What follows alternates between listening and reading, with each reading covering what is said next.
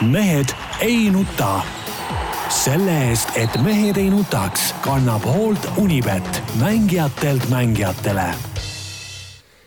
tere kõigile, kes meid täna kuulavad ja vaatavad, ükstapuha, mis vidinast, ükstapuha, mis ajal. paluti öelda ka kuupäev, täna on siis teisipäev ja kuues veebruar. veebruar, just, täpselt, sest noh, muidu ei tea ju, milline saade ja kust nii, et kuues veebruar. kes ei tea? Ei, ei, seal meil tuli kiri, eks, no inimesed kutivad. mina ei ole näinud sihukest kirja. siis tuli võib-olla mulle ainult, aga ma ei tea no, no vahet ei ole. aga kaval on kohe suunduda ikkagi nagu sissejuhataja poole oma selliste palvetega. jah, ühesõnaga täna on siis kuues veebruar aasta tuhat üheksasada kakskümmend neli, ei, kaks tuhat kakskümmend. kõlas see sulle ei tundu, et see oli üle aastate üks konarlikumaid sissejuhatusi? see on päris huvitav, ma siin üks poolteist nädalat tagasi oli, oli, oli nii-öelda pereringis mingisugune mingi jutuajamine ja, ja jutt käis kuidagi läks mingi aastate peale ja ma põrutasin täitsa süüdimatult, et, et praegu tuhat üheksasada üheksakümmend neli ei no täpselt. täpselt samamoodi ja, ja, ja, ja, ja, ja, ja kusjuures noorem mees paneb tuhat üheksasada üheksakümmend neli ja vana, vanem mees paneb siis tuhat üheksasada kakskümmend neli. Läheb aasta, ma hakkan juba tuhat kaheksasada rääkima Margus poiss ütles ka, et sa oled kuskil aega kinni jäänud. aga, aga ma arvan, et kõik, kes meid on kuulanud läbi aastakümnete nüüd juba on ammu aru saanud, et, et mingitesse aastatesse olete te ikkagi väga põhjalikult kinni jäänud. vahel harva, vahel harva tõesti saate välja sealt ka kuidagimoodi kännu tagant nii-öelda, aga noh, siis, siis ikkagi nagu haagib see kett sinna kinni nagu uuesti ikkagi. aga nüüd tutvustan osalejaid ka siis Tarmo. tervist. Delfist, Peep eri, eriagendina igalt poolt. tervist. Jaan Martinson Delfist, Eesti Päevalehest. miks me olime ainult eesnimepidi ja no, Jaan ise on perekonnanimega no,? Ütleme niimoodi, vanadele meestele. no vaata passi. jah, ja kusjuures tuhat üheksasada üheksakümmend neli on väga hea aasta. käisin jalgpalli MM-il ja sealt edasi põrutasin kohe. mäletan, koos Gunnar Pressiga käisid seal. ja, aga siis ma jäin veel äh, vist kaheks nädalaks Ameerikasse tuttavate juurde, siis läksin äh, Torontosse korvpalli MM-ile. ja, ja kas sa tollest käigust ostsid endale kümme seda ühesugust jopet, neid siniseid, millega sa käisid pärast kakskümmend viis aastat järjest? ei, ei, see, need ostsin ma varem, need ah. ostsin üheksakümnendatel kuskil, esimene üheksakümmend, üheksakümmend üks ja siis oli mul. sa mäletad, Tarmo, neid siniseid joppesid? ei, aga neid ma ostsin tõesti palju no,. täna, täna oleks need väga moekad jällegi. ei, aga no lihtsalt kandsin läbi. millest, nad isegi aastaringselt ju ei, aga ta oligi, ta pesapalliõpe oligi selleks mõeldud. sest, et sa käisid ka nii pluss kahekümne viiega kui miinus kahekümne viiega. ei, aga nad ongi mõeldud selleks, et käia väljas pluss kahekümne viiega, miinus kahekümne. miinus kakskümmend kuus tuli, siis panin kampsuni alla kusjuures tuhat üheksasada üheksakümmend neli oli tõesti äge aasta, et ma lõpetasin näiteks põhikooli sel aastal ja äh, preemiaks, äh, see oli nagu ikka mingi preemialaadne äh, toode oli, ma mäletan, ema ja meie Soomes oli üks tuttavate perekond, komandeeris mind suvel Soome ja Helsingis, mis toimus üheksakümne neljandal aastal kergejõustiku Euroopa meistrivõistlused. ehk siis, ehk siis põhimõtteliselt, ma ei mäleta, kas vist tervet programmi päris mitte, aga vähemalt pool programmist me selle selle oma Soome väga toredate tuttavatega, kellega side on siiani alles, istusime seal tribüünidel ja mingeid autogramme, ma mäletan, kümmekond sain sealt mingitelt Valentin Kononenilt ja mingitelt meestelt ja ah, oli nagu viieteistaastase poisi jaoks oli ikka nagu spordifänni jaoks, fanati jaoks oli ikka nagu ülikõva.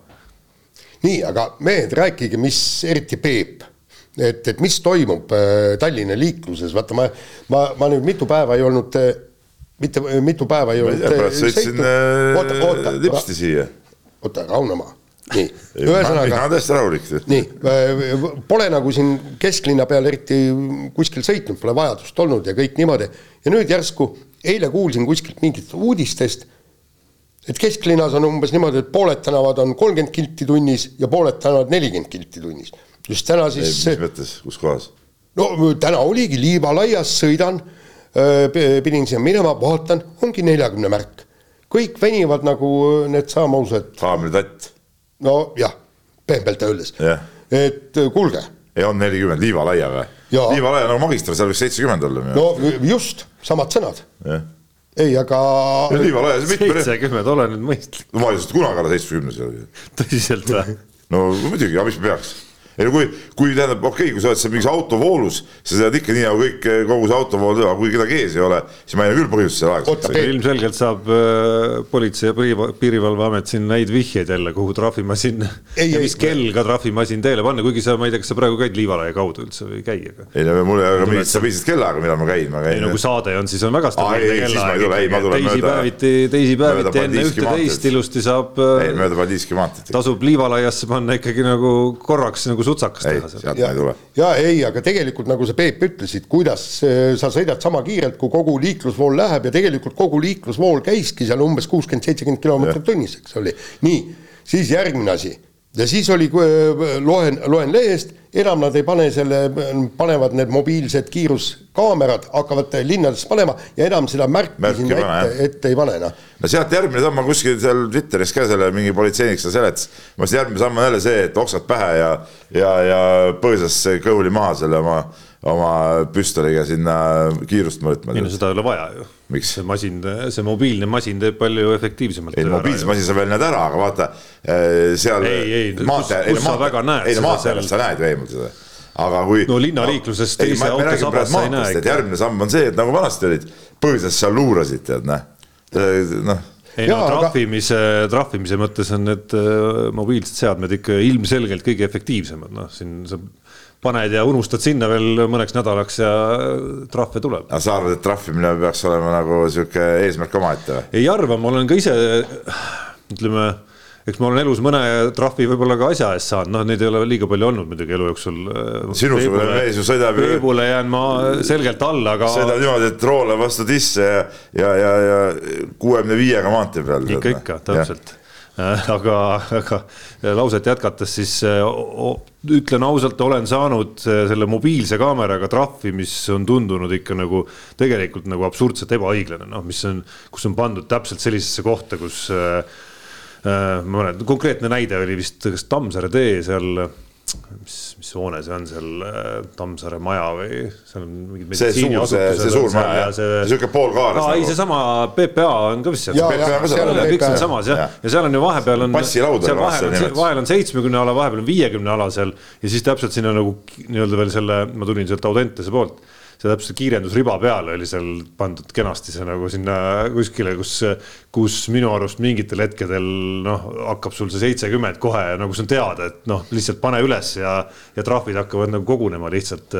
ja kus mulle vähemalt ei tundu, et see nagu liiklusohuga tohutult oleks nagu põhjendatud just selle koha peal, kus on vist neljarealine äkki isegi, kuna seal mingid read lähevad, keeravad ära seal et sõltub, mis koha peale. Need pole kunagi põhjendatud. sõltub, sõltub jah, et kui, kui need pannakse kohtade peale, kus tõesti see siis äh, ohtu kõvasti maha võtab, siis äh, davai, on ju, aga kui, kui see no, jätab ikka väga siukse trahvimasina, trahvimasina mulje, kus, kus noh, tegelikult see, see koht ei vaja nagu nii tohutut reguleerimist ja näpuga järjeajamist. iga kilomeeter, no masin võtab ju kohe ikkagi nagu mõõdupuuga, eks ole. siis, siis ma tahaks, tahaks ka minu süda seal protestida jah, aga, aga mina sellest aru ei saa, no miks mis liiva... või, või kus see, aga kus sa linnas üldse neid kiiruspiirangu liiklusmärke näed, näiteks kui sa sõidad Liivalaia, seal kuskil, kuskil kolmandal rajal, kus sa näed seda märki seal? jaa, ma ei, ei, ei, ei, aga ütleme nii, kui sa sõidad nüüd nii, nii., siin on buss, siin on mingisugune teine buss, mingi suurem auto.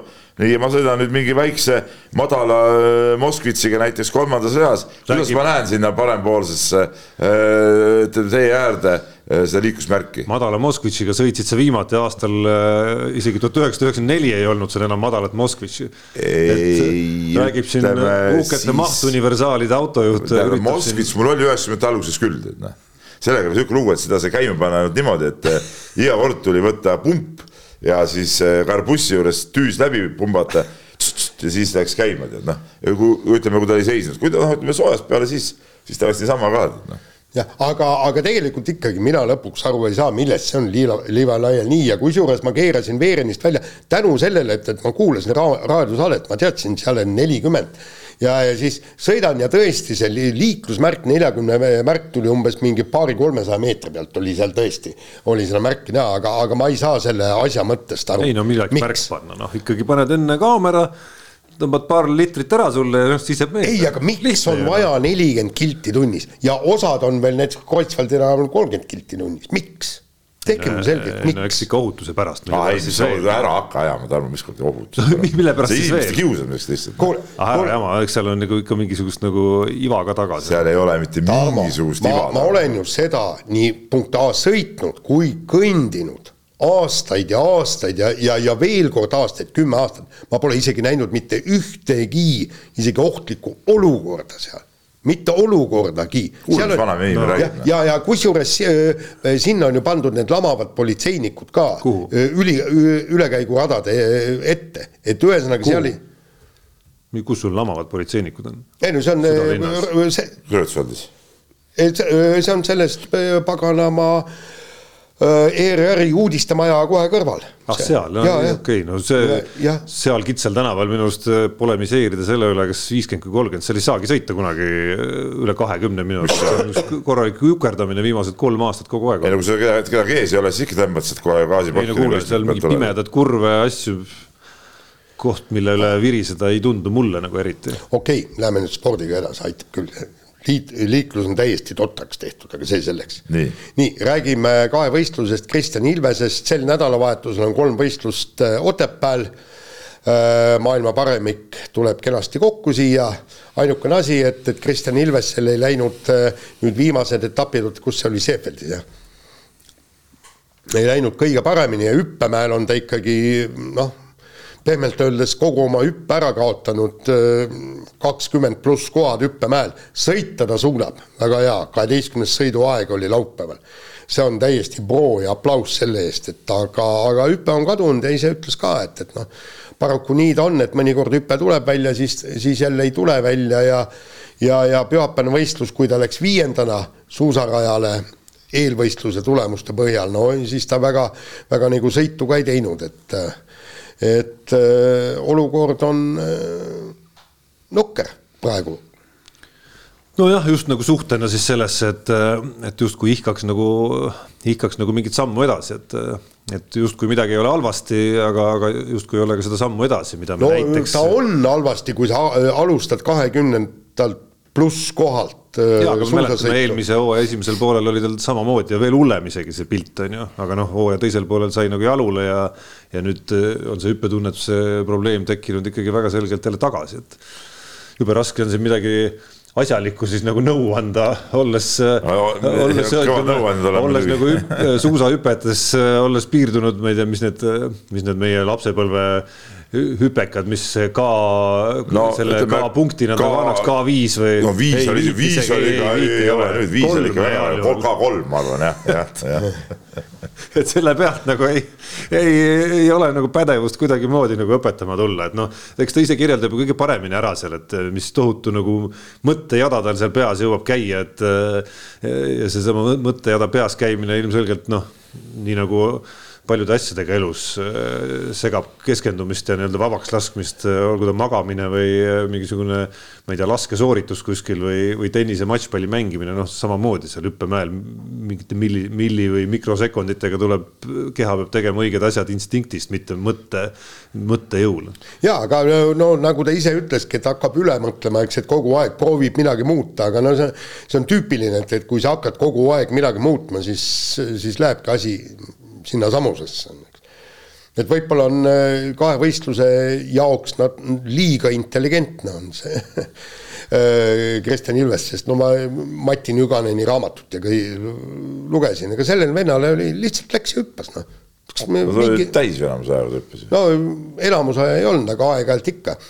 ja, ja siis, siis olidki teised ütlesid, et, et, et, et see on täitsa, täitsa hull vend, eks, et ta läheb kohe hüppesse, hüppabki pea ees sinna, tähendab teised noh, nagu hüppavad üles ja siis kallutavad ja kõik, noh, vähemalt nii, nii palju ma sellest raamatust äh, mäletan, nagu tema tehnika ja kõik oli, vend läks lihtsalt hüppas ja ei olnud äh, mingit pikka mõtlemist, et, et et noh, mis on äh, nagu teistpidi reaalsus äh, tema jaoks ja teeb nagu seisu veel raskemaks, on, on minu arust ka see, et, et konkurents on natukene läinud pigem isegi kahe aastaga võrreldes tihedamaks ja tihedamaks noh, eelkõige ühe mehe tugevamaks saamise siis nagu arvelt, ütleme nii, et noh, kuskil on Riiber seal ees, on ju. okei okay,, Lamparter oli siin haige vahepeal ja, ja tema vorm selle tõttu nagu kõikus pisut, on ju.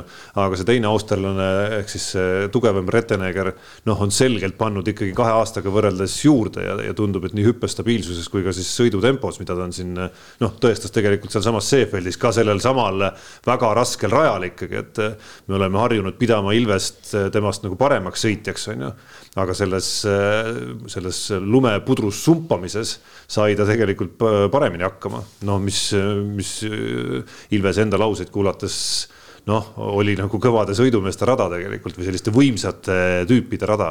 ja kusjuures, mis mind natukene häiris, kui hakkasid äh, hädaldama ja haukuma, et, et mis suusarada, et, et me peame põlvini äh, lumes sumpama. kuulge, kallid inimesed kunagi nii oligi, mäletad, polnud mingit suusarada ette, olid esimene start ja ajasid suusaraja ette ja, ja läksid noh. ei no see küll, peale selle tingimused on kõigi jaoks ju võrdsed, et, et, et, et mis. ei no mis sa siis teed, noh, ega see sõitu ära ei jäta, sest noh seda..., olud on sellised, tuleb ära sõita. seda muidugi, aga tervikuna ikkagi, kui vaadata nüüd seda, ütleme seda Ilvese seda hooaja sihukest noh, mida nagu enne hooaja algust oodati ja, ja mis nüüd sellest nagu saanud on, siis, siis ikkagi natuke murelikuks muidugi, muidugi teeb see, et, et ütleme ka see see kuulus Norra, Norra treenerite brigaad ei ole seda hüpet nagu paika saanud, et, et, et. aga ta muutis ka oma hüppetehnikat no selle hooaja alguses. ja ma saan aru, aga ütleme hooaja alguses ta veel hüppas nagu paremini kui praegu, nüüd on nagu veel, veel kehvemaks see asi läinud, et, et, et võib-olla see kodune, kodune etapp nüüd võib olla sihuke, kuidas ma ütlen, sihuke pääste, päästerõngas, et, et esiteks siin on sihuke väike mägi ja, ja kokkuvõttes ta on siin ikkagi ju noorest peale palju, palju hüpanud ja olnud ja võib-olla tunneb siin ennast kuidagi enesekindlamalt ja siin on seda hüpet tal võib-olla lihtsam nagu taas üles leida, et, et, selles suhtes see kodune, kodune võistlus on, on, on väga oluline. ja, aga samas on halb muidugi see, eks, et, et, et ta ei saa nagu nii-öelda treenida, ma helistasin talle, rääkisin, ta ütles, et mägi pannakse kolmapäeval kinni, eks, ja, ja ja, ja ongi niimoodi, et ta saab teha ainult see treeninghüpe, võistlushüpe ja, ja kõik, et. aga mis treenid asjas? Mägi on kinni. ja miks kinni pannakse, ma mõtlen. ei no ilmselt selleks, et. et ettevalmistusega võistlus ja, ja, just ja, et, et aga noh, saab näha, mis, mis saab tegelikult noh no tulgu siis, see Mustamäel on ka see mägi. ei, ma ütlesin, et, et mingu siis apteekrimäele ah. ja siis Naeris ütles, et see pole päris hea, liiga hea mõte. ei, aga ma ei tea, kas see Mustamäe torn veel ka töötab või? vist kui ta ümber pole kukkunud, jah? ei, ta ümber vist ei ole kukkunud. Ma ei tea, mis see on, mingi K viiskümmend. aga, aga noh, ega siis midagi, pöidlad pihku ja, ja kõik Otepääle ergutama ja, ja vaatame, vaatame, mis saab siin, on üks koht just, kus äh, võiks ära tulla see poodiumi koht ja just, just sellel nii-öelda reedesel päeval, kui on siis see tagurpidivõistlus et eelmist korrast mäletate ju, et, et sisuliselt kõik, kogu kamp finišeeris koos ja, ja Kristjan Ilvesel oli võimalus, hüppab meetri kaugemale teistest oled, äh, oled poodiumil? noh, täna seda dünaamikat vaadates ja hüppe ebastabiilsust vaadates ma ei ole kindel, kas just see formaat on äh, hetkel kõige tõenäolisem võimalus tal, et äh, et võib-olla hoopis, hoopis tõenäolisem variant on, on see võistlus, kus tal jah, noh, ütleme, ta ei hüppa võib-olla päris Riiberi hüpet, aga no üks hüpe tuleb välja ikkagi ja siis satuvad suusasõidus need esiteks tingimused okeid, et ei ole sellist sumpamist päris on ju ja siis, ja siis satub see üldjärjestus selline, kus, kus justkui nagu eel eeldused on laual. sa ei hüppa pikalt eest ära. ei, ta ei peagi eest ära hüppama, et ta peab tulema nagu õige dünaamikaga, grupid peavad moodustama lihtsalt. no aga siin ei moodustu gruppe, need on, vahed on niivõrd väiksed ja seal ongi niimoodi, et, et esimene päev, kui sa suusasõidus suudad selle noh, selles paaris-kolmes sekundis, koht ei ole tähtis, oled seal seitsmes-üheksas, on paar sekundit ja siis ongi hüppevõistlus siis ongi, praktiliselt minnakse samadelt positsioonidelt hüppama nullist. nii aga huvitav, kui suur rahvapidu sellest, sellest siis tuleb kogu sellest üritusest, et palju seda rahvast siin tuleb, ma praegu huvi pärast lihtsalt panin booking usse sisse laupäeva õhtuks hotelli Otepääl ja ikkagi mõned, mõned majutusasutused on siin, on siin täitsa ikkagi saadaval. Jaa, aga no. et see nagu ja. ei näita võib-olla, et nüüd väga, väga sihukest nüüd nagu täismaa, ma mäletan vanasti, kui olid need murdmaasuusatamise MK-etapid, no siis, siis ütleme sama nädala Äh, teisipäeval ilmselt majutust seal panna oleks olnud suhteliselt võimatu. ja siis kui... ei saanud Tartussegi. ei saanud Tartussegi, et jah, et, et aga, aga praegu näiteks näitab Otepääl nädalavahetuseks üheksat vaba majutusasutust veel. Noh. jah, kuigi võiks ju teoreetiliselt tahta ja loota, et, et vaikselt iga aastaga see noh, kuidas öelda, selline kahevõistluse hurraa kasvab ja tuleb nagu tagasi, et kahevõistlus lisaks sellele, et Ilves on noh, tegelikult võime vist öelda isegi hetkel, kas ma ei tea, ütleme parim või top kaks Eesti talisportlane eriti olukorras, kus Kelly Sildaru on, on vigastusega audis. pluss see kahevõistlus on tulnud selgelt nüüd pilte aina rohkem, et, et ülekanded on tulnud nähtavaks Eesti rahvale rohkem kui kolm aastat tagasi näiteks ja nii edasi, et see vaikselt võiks nagu kruttida, et me näeme seda ETV spordisaates aina rohkem ja rohkem ja, ja kõik need jutud võiks nagu kaasa aidata. selles mõttes saab olema kindlasti väga huvitav näha. aga läheme Läheme põrinate juurde, räägime autorallist segamini siin natukene kahel teemal, alustame kodusest äh, meistrisarjast, mis siis avalöögi sai Otepääl möödunud nädalavahetusel. ja küsimus, mille on siia meile meie vaimne isa Jaan ette kirjutanud, küsib, et kas kodune ralli on kriisis, kus on meie noored tipud? no Peep. no see näitabki veel kord seda, et Jaan tegelikult see rallisporti ei, ei jaga nagu üldse, et, et täitsa hämmastav, kuidas see vana mees, aga varsa arv, nagu öeldakse, et noh, et no., et, et kui sa oleks võtta korraks, viitsid isegi korraks vaadata seda ralli neid tulemusi ja kiiruskatse tulemusi, siis, jälgi... siis sa ju, siis sa oleks ju näinud, et, et mitmed noored sõitsid äh, Rally4 autoga seal, seal ikkagi päris kiiresti ja väga, ja väga noored mehed, meil on väga kõva plejaad on tulemas vanuses ütleme seal viisteist kuni kaheksateist on, on, on siin kolm-neli väga-väga kiiret venda tulemas, et, et ma selles suhtes ja. see jutuga, et, et, et kus on meie noored, on, on täitsa, täitsa jabur Peep, küsimus. Peep, võib-olla ma sõnastasin tõesti selle valesti, aga, aga sa räägid praegu tõesti nendest verenoortest väga noortest, eks, aga, aga ma just mõtlesin see, et, et nemad on järgmine põlvkond, aga praegune põlvkond ja, ja, ja. kes on siis praegune põlvkond? No kasvõi Georg Linnamäe ja. Georg Linnamäe sõitis ju äh, Lapi ralli, sellepärast et tema tiim oli ju seal ju. ja, ja ei, ma saan aru ja siis see noh, mis ta oli see oh no., juunioride maailma vist. Virves. Virves, jah. Virves osales ju jaa, kaardilugeja no,. aga, aga tead, mille pealt mul see oli, et see oli see, mul tulid meelde need vanad, vanad head ajad, kui oli kruudad, pärnad, värgid, särgid, kogu see kamp oli, oli, oli nagu ja tõesti võideldi Eesti meistrivõistluste nimel. jaa, aga siis nemad alustasid ka samamoodi nende väikeste autodega, kui sa mäletad. et, et ja see võitlus oligi seal ja praegu ka ma ütlen, ma võtsin praegu selle lõpp-protokolli ette, noh siin Jaspar Vaher näiteks üldarvestuse kuues mees, ma ütlen peast, et ta on umbes kuueteistaastane, ma võin, võin isegi praegu eksida, mis ta see sünniaasta täpselt on, et noh, näed, kaks tuhat seitse, kuueteistaastane. Äh, kutt väga, väga hästi ja, ja, ja, ja kiirelt sõitis ja seal, seal neid äh, vende veel, äh, see Karl-Markus Sei, Kevin Lempu, seal on, seal on neid sõidumehi küll ja, ja, ja, ja päris kiired ja, ja oma nende, nende esiveoliste Rally4 autodega nad ikkagi noh, näiteks see Vaher ju sõitis siin äh, mingitel kiiruskatsetel, võitis siin neliveolisi autosid nagu ütleme ka kiireid autosid, okei okay,, neid vanu, vanu neliveolisi võita, no see on, see on juba, juba nende, nende jaoks isegi nagu lihtne.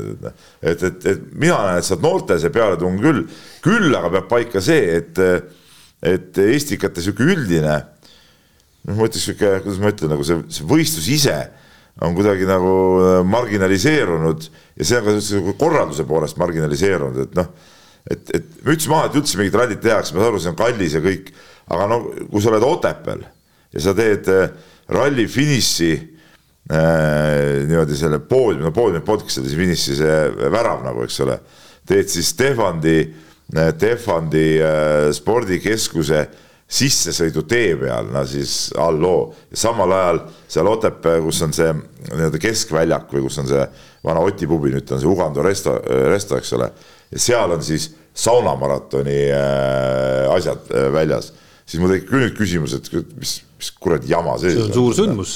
ei, see on suur, ma nägin, hommikul Mantis käisid ringi, ma mõtlesin isegi, et kuradi järgmine aasta ajame sõbrad kokku ja lähme seal, paneme õlut ja, ja, ja jalutame kõik need saunad läbi, et võib-olla täitsa tore, eks ole. aga nagu me räägime seda, et autoralli Eesti meistrivõistluse etapp ja see toimub kuidagi nagu kuskil nagu nurga taga, tead noh, siis see on nagu, see on nagu jama, aga muidugi sellelt äh, rallilt ikkagi üks väga positiivne märk oli veel see Karl-Martin äh, Volveri nii-öelda äh, tagasi, tagasitulek ja vot tema see kiirus, ma ei tea, kas seal üldse üks mees mäletasidki, et üldse olemas on, aga, aga ütleme, tema tuli, tema tuli ka väga noorelt üles, tal olid siin variandid siis on tal väga palju aastaid vahele jäänud, siis ta on jälle natuke proovinud, jälle vahele jäänud ja tegelikult ta on ju kahekümne nelja aastane alles. ja temal, temas on need, need eh, kiirus, seda on aastaid räägitud, temas on kõik need kiiruslikud omadused olemas ja nüüd tundub, ma küsisin ka ta käest, et, et mis siis nagu seekord on nagu teistmoodi sellest tagasitulekust, ta oli nagu ise hästi optimistlik, ta ütles, et no nüüd on nagu need, need plaanid ja, ja, ja, ja mõtted on nagu selgemalt paigas. on mänedžer, kes tegeleb, aitab toetajaid ja on nagu selge plaan kuidas nagu minna ja, ja liikuda sealt, saaks selle proto pealt nüüd selle R5 peale.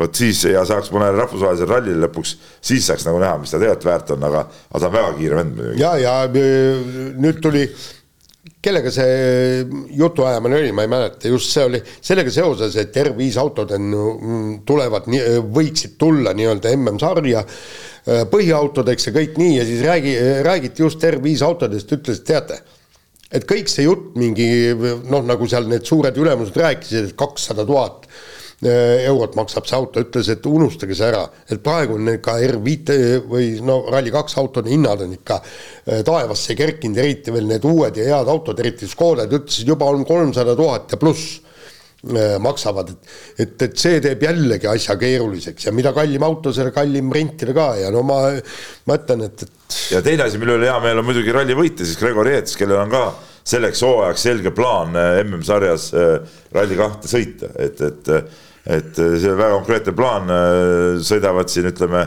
siis neid Euroopa rallisid ka ja, ja, ja noh, see on, see on jumala, jumala okei okay,, juba Rootsis on, on ta stardis. Ja tema jaoks oligi nagu sihuke peaproov Rootsi, Rootsi ralliks, nii et, et ma nagu selles suhtes, et kui me räägime nagu sõitjatest, siis ma nagu seda seda sinu skepsist ei jaga, Jaan, aga mis puudutab üldse kogu seda, seda, seda ralli, kuidas ma ütlen, sihukest nagu nähtavust ja, ja, ja, ja, ja selle sündmuse nagu suureks tegemist, siis siin, siin peab küll paraku ütlema, et, et on asi, asi läinud nagu allamäge ja, ja nii palju, kui ma seal ringi käisin ega seda publikut nüüd ka eriti palju ei olnud tegelikult. eks seal võib-olla, võib-olla see nüanss ongi natukene, et noh, see selle põlvkonna puudumine, keda Jaan silmas pidas, no mitte neid nii noori, aga natuke vanemaid, eks on jätnud mingi augu ja siis ütleme, need Volverid ja, ja need mehed, kes seal, need noored mehed, kes seal askeldasid, noh, peavad võib-olla natuke veel tuntumaks saama ja nende ümber tekib võib-olla siis nagu uus asiotaaž. ja, aga vaata, siin ongi see, et, et Peep näeb neid detaile paremini, mida. ei no ongi jah, ja, ja, ja valgustab neid ja tegi Volveriga loo ja valgustab neid ka rahvale, eks ole, ja räägib siin saates ka sellest ja niimoodi sammhaaval võib-olla hooaja teises pooles juba on need intriigid äh, rallihuvilistel potentsiaalsetel külastajatel nagu paremini selged ka aga no muidu... aga kokkuvõttes patu asi on muidugi see, et, et Virves sõita ei ole saanud, et, et ta loeb kaarti seal, et see on kõik sihuke asendustegevus, et see ei ole nagu ja, ja, ja noh, aga noh, eks see majandusseis on nagu on. vahepeal ütlen, keegi võiks Keila korvpallikoolile ka raha juurde anda. ahah, miks? no lihtsalt, ei no see on nagu mitte korvpallikooli, vaid korvpallimeeskonnale tähendab, isegi valesti, meistriga meeskonnale, et, et sama asi, no raha ei, raha ei tule kuskilt peale, noh keegi jõudis juba koolile üle kanda. Läks juba teele. meistriga meeskonnale jah, vot vanast harjumusest keeled äh, vääretavad. ja see oli päris äh, kont-, konteksti arvestades päris äh, põnev vääratus, ütleme ja. niimoodi, aga ralli juurde korraks veel jäädes räägime WRC-st ka või rääkige WRC-st ka, et paar huvitavat pealkirja möödunud nädalast mis siis puudutavad Ott Tänakut, esiteks Hyundai bossi sõnum, et Rootsi ralliks saab Ott Tänak oma autole paremad seadistused, pluss siis Jari-Mati Latvala Toyota tiimi bossi kommentaar, et ta lootis Monte Carlos Tänakult tegelikult enamat ja, ja Neville'ilt ta ei oleks uskunud, et too nii hästi sõidab.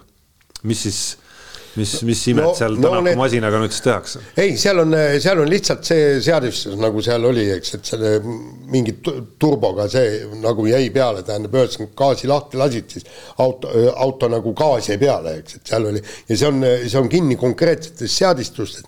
et väidetavalt siis nagu nad selgitasid, eks, et Monte Carlo ralli esimesel päeval, esimesel õhtul oli kõigil see probleem ja siis seadistati ümber ja teistele siis sobis äh, Neuvillile äh, eelkõige ja Mikkelsenile, aga Tänakule ei sobinud, sest tema sõidustiil on teine. no eks Neuvillile see auto ju sobibki, no siin ei ole Ja. midagi imelikku. jah, aga seal siis nad ütlesid, et nad, nad suudavad selle, selle nii-öelda se- seadistuse Tänaku sõidustiilile vastavaks teha. see, see on punkt üks ja, ja mis Mar-, Jari-Mati Latvala puhul, tema sõnumi puhul siis mind natuke üllatas see, et ta ootis, ootas, see, et ta Tänakust enamat ootas, selle me ootasime kõik, aga see, et, et ta ootas Neuvillist vähemat, et ta ei uskunud, et ta läheb võitma, vot see on minu meelest küsitav. Miks? et miks? no sa ei saa no, alati Neuvilli siin maha teinud. ei, Neuvill on ikkagi äh,, ikkagi Monte Carlo saati kiirem. ta ta on korra võitnud ka varem. ta on korra võitnud ka varem, nii et. ei, seda küll, aga no tervikuna ilmselt no ega me, ma ei tea, mina ka ei arvanud, et Neuvill võiks võita seal, mina arvasin ikkagi. No eks eeldus oli, et Ogier tuleb ja paneb kinni. tuleb ja paneb kinni selle asja ja siis, siis teised seal äh, võitlevad nii-öelda nagu teise, teise koha peale, aga, aga, aga no tervikuna jah, see ütleme see, kuidas nüüd äh, Rootsi ralliks äh, see Hyundai normaalseks saada, noh, ütleme Otile nagu sobilikuks. see oligi see, et, et Tänak muidugi teab väga hästi, milline peab olema auto, et, et talverallil kiiresti sõita ja, ja, ja, ja kui nad nüüd saavad piisavalt seal oma, oma treeningbaasis nii-öelda seda nagu timmida ja, ja sättida, et siis, siis, siis ma usun, nad saavad selle paika ka. isegi Tänak sai isegi ju selle Fordi Rootsi talveralliks ju võidumasinaks timmitud. no ei, absoluutselt, nii.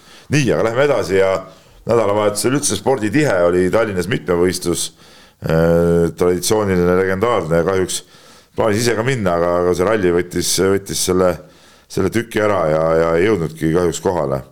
aga ei olnud võib-olla nii särav kui okei okay,, jah, seal võidu tulemus oli äge, aga ütleme Eesti meeste poolt oli, ma tegin enne seda väikse siukse nupsukese ka seal et, et Eesti tippusid päris pole ja Ausenberg seda MM-piletit seal püüab, aga aga tegelikult oli juba eelmise nädalavahetuse nende üksikala tulemuste põhjalt nagu näha, et et ega see läheb päris raskeks tegelikult ja, ja nii see, nii see lõpuks ka oli, et ega sealt midagi ei, ei tulnud.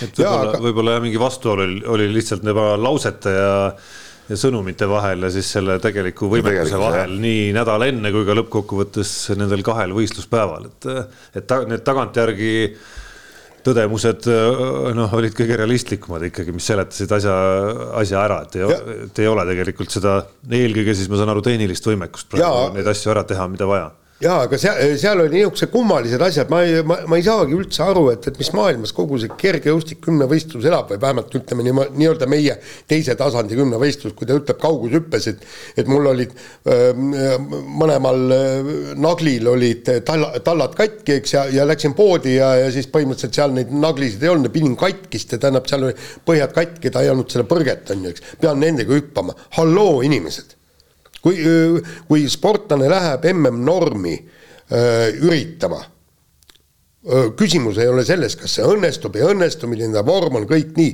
ja ta öö, hakkab rääkima, et tal on nag naglid katki, no.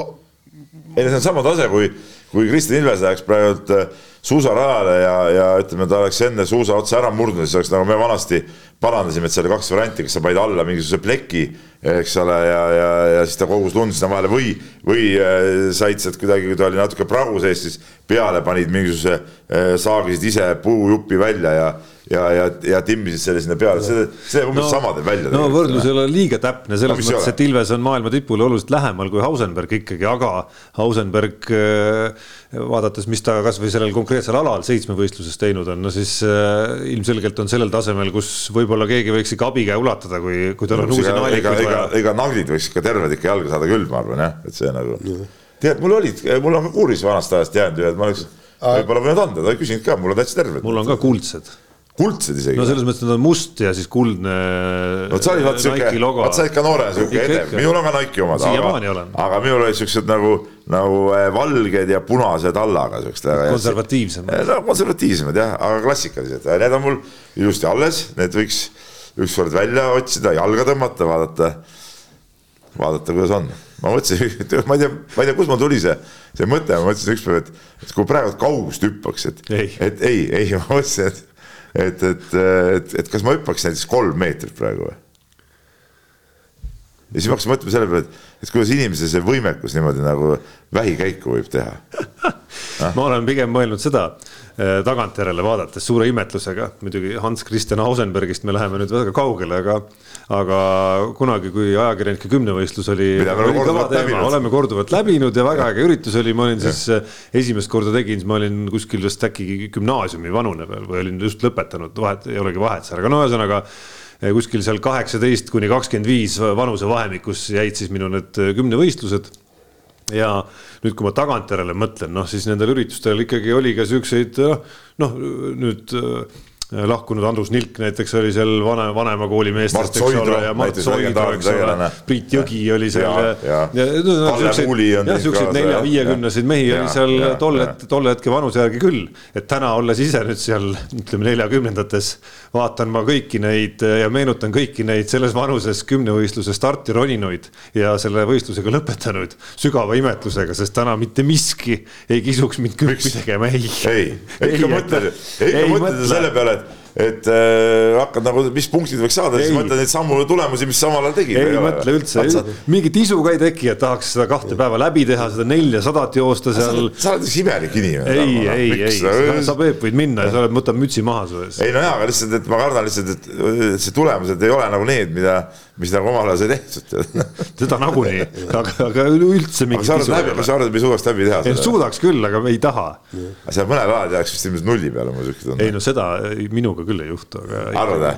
no kui ma just mingit algkõrgust maha jään, lihtsalt kuidagi nii-öelda äpardusel. tõkkeid aga... praegu, kujuta ette, mis need on, üks null üheksa, mis see tõkkekõrgus on? ei no ikka saad üle, no mis on siis? noh tagareis läheb kui ei no neid, neid vendi oli küll seal, kes juba saja meetri, saja meetri kolmanda sammuga tõmbasid tagareie ära ja oligi kõik.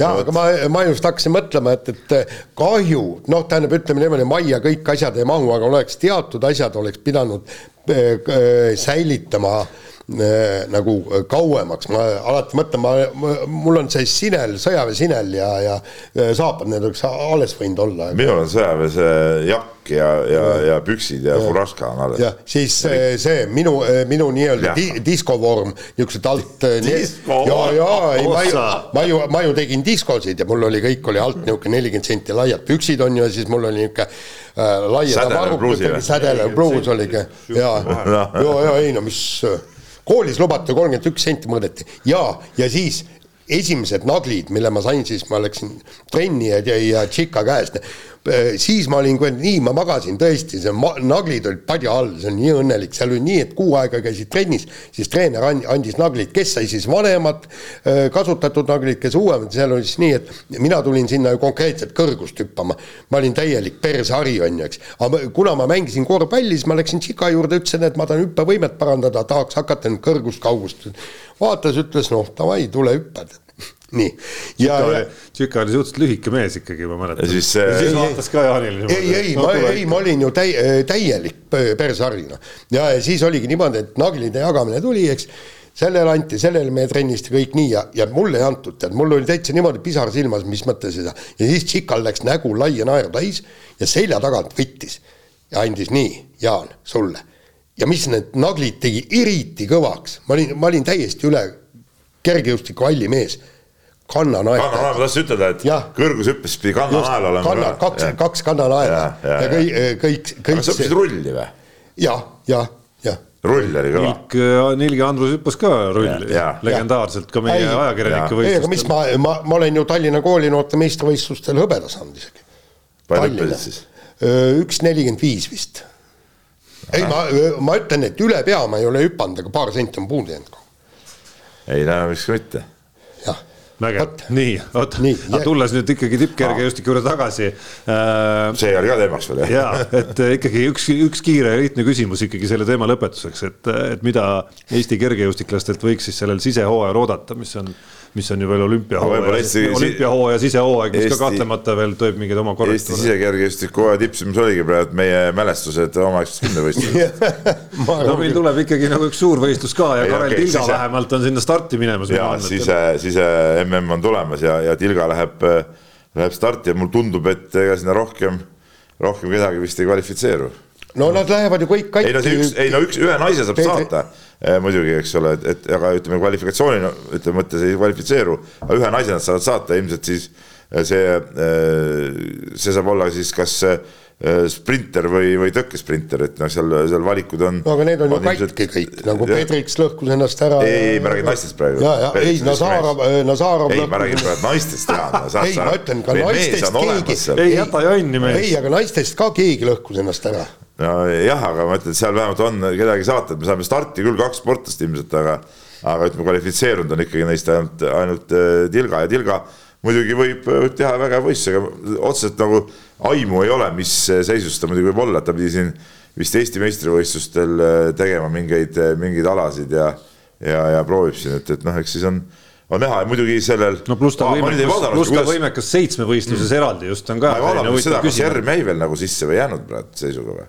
sest Ermil oli ka variant ju, et, et tema ju põhihirm oligi see, et äkki Ausenberg teeb üle, aga ma nüüd on nagu minu, minu enda viga, et, et ma siin eile oli mäng ka ja ma nagu väga ei süüvinud nendesse asjadesse no et, seda, seda noomituse sa said juba saate algul Jah. ka kätte, kuidas Aga- ette valmistamata ikkagi tuleb aga, aga, aga, aga jah, see, ütleme see Ermi variant oli ka, vaata kui ma seda lugu tegin, siis see oli, see oli see uus Erm pidi vist Tartus avama oma hooaja, see Tartu võistlus on see nädal minu teada.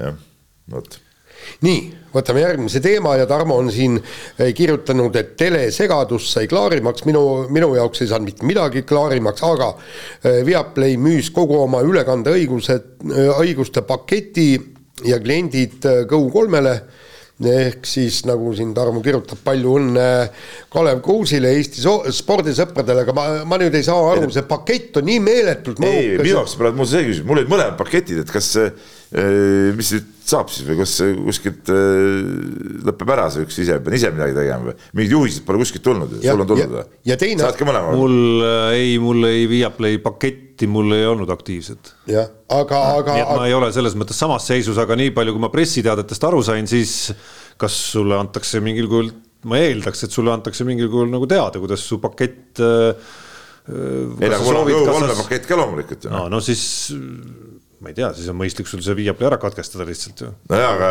mingit infot pole ju tulnud, et ma ei saa no ühesõnaga, ma ei tea, eks nad peavad ise nende klienditeenindused, kas klienditeenindus või klienditeenindused, ma eeldan, peaksid sinuga nagu suhtlema. aga ma eeldan seda, et nüüd, kui nii palju asju on, on kolm sport endale nagu saanud, on ju, et nad teevad ikkagi päris telekasse ka mõne kanali nüüd veel juurde, et ei ole ainult jälle see, et et pean sealt äh, kuskilt hakkama jälle Go3-st neid otsima, et, et kui praegu on neil päris telekas, eks ole, kaks tükki, kaks kanalit ja kui neil on nii palju ülekandeid, see on ju selge, et siin tekib ju ja kui on mingid jalka Champions League ja Kosovo Euroliiga, siis tekib nagu see vana võitlus tuleb jälle tagasi, et kumba ja mida keegi tahab näha, onju.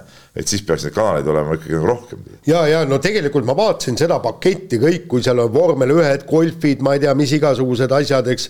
ei noh, jalgpallikoondiste mängud, meistrite liiga mängud, Inglise liiga mängud, vormel üks, Ja. NHL, seal olid.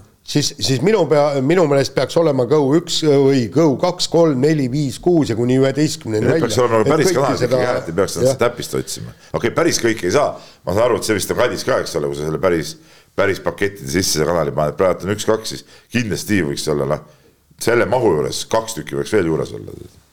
ma jah, ei oska seda noh, äriloogikat siin nagu seletada, ma käin, aga see sellega mu nagu nii-öelda pistmine.